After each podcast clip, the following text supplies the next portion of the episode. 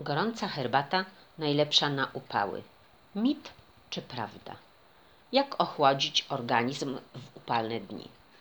Zmiany klimatyczne są już chyba nieodwracalne. W naszym kraju upały od pewnego czasu stały się już normą.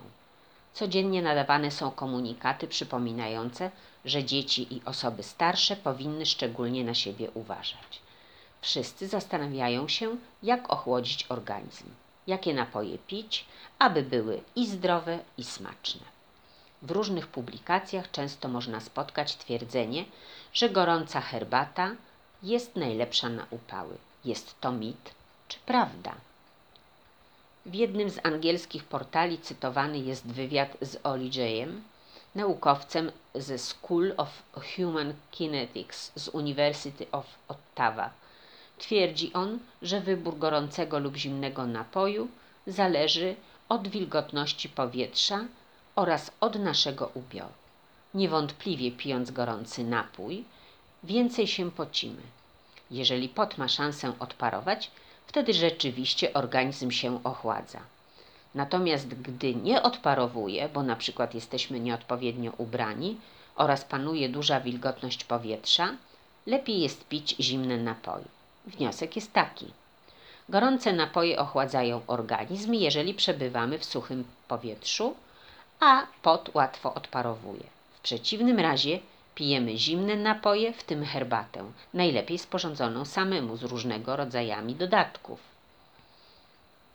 Picie herbaty jest lepsze niż picie wody. Nie ulega wątpliwości, że picie herbaty jest lepsze niż picie wody czy napojów słodzonych kupowanych w sklepach. W badaniach opublikowanych w European Journal of Clinical Nutrition podano, że herbata nie tylko gasi pragnienie i nawadnia, ale jest dużo lepsza od wody, ponieważ ma mnóstwo przeciwutleniaczy. O korzyściach prozdrowotnych herbaty pisałam bardzo dużo.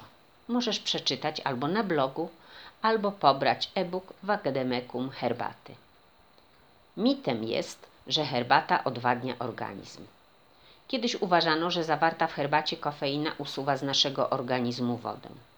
Po pierwsze, w herbacie jest mało kofeiny i po drugie, więcej wprowadza do naszego organizmu wody niż jej usuwa.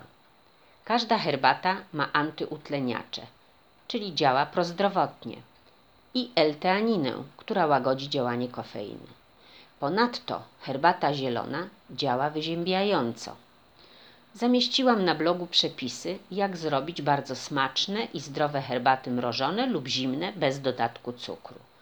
Napoje robimy z herbat czarnych, owocowych, mieszanki białych i zielonych. Moją ulubioną jest iced tea z herbaty czarnej i owocowej. Przypominam, że ten sam susz herbaty zielonej można zaparzać kilka razy.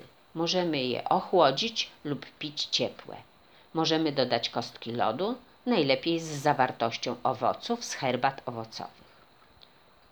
W tym tygodniu eksperymentowałam z herbatami rooibos. Wszystkie świetnie się nadają do sporządzenia iced tea. Szczególnie polecam trzy mieszanki.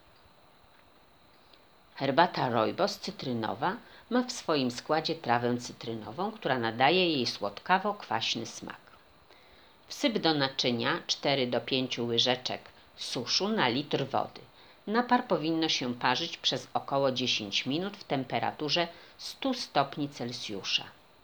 Zaparzony napar pozostaw do wystygnięcia, następnie przelej do dzbanka bez fusów, dodając troszeczkę miodu, kostki lodu z zatopionym suszem.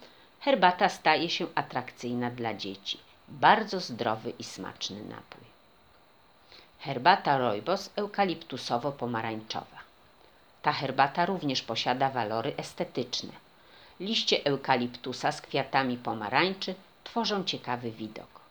W sposób jak powyżej sporządzasz zimną herbatę, ale nie usuwasz suszu. Herbata relaksacyjna z uprawy organicznej.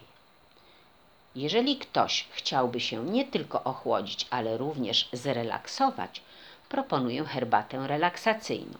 W skład herbaty wchodzi rojbos, liście miodokrzewu, anyż, rumianek, koper włoski.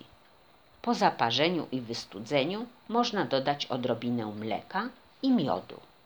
Herbata ta może być pita zarówno przez dorosłych, jak i dzieci. Przestudzone herbaty lub wychłodzone z dodatkiem lodu są świetną alternatywą popularnych napojów gazowanych i niegazowanych. Przeczytaj również, jak zrobić mrożoną herbatę w domu.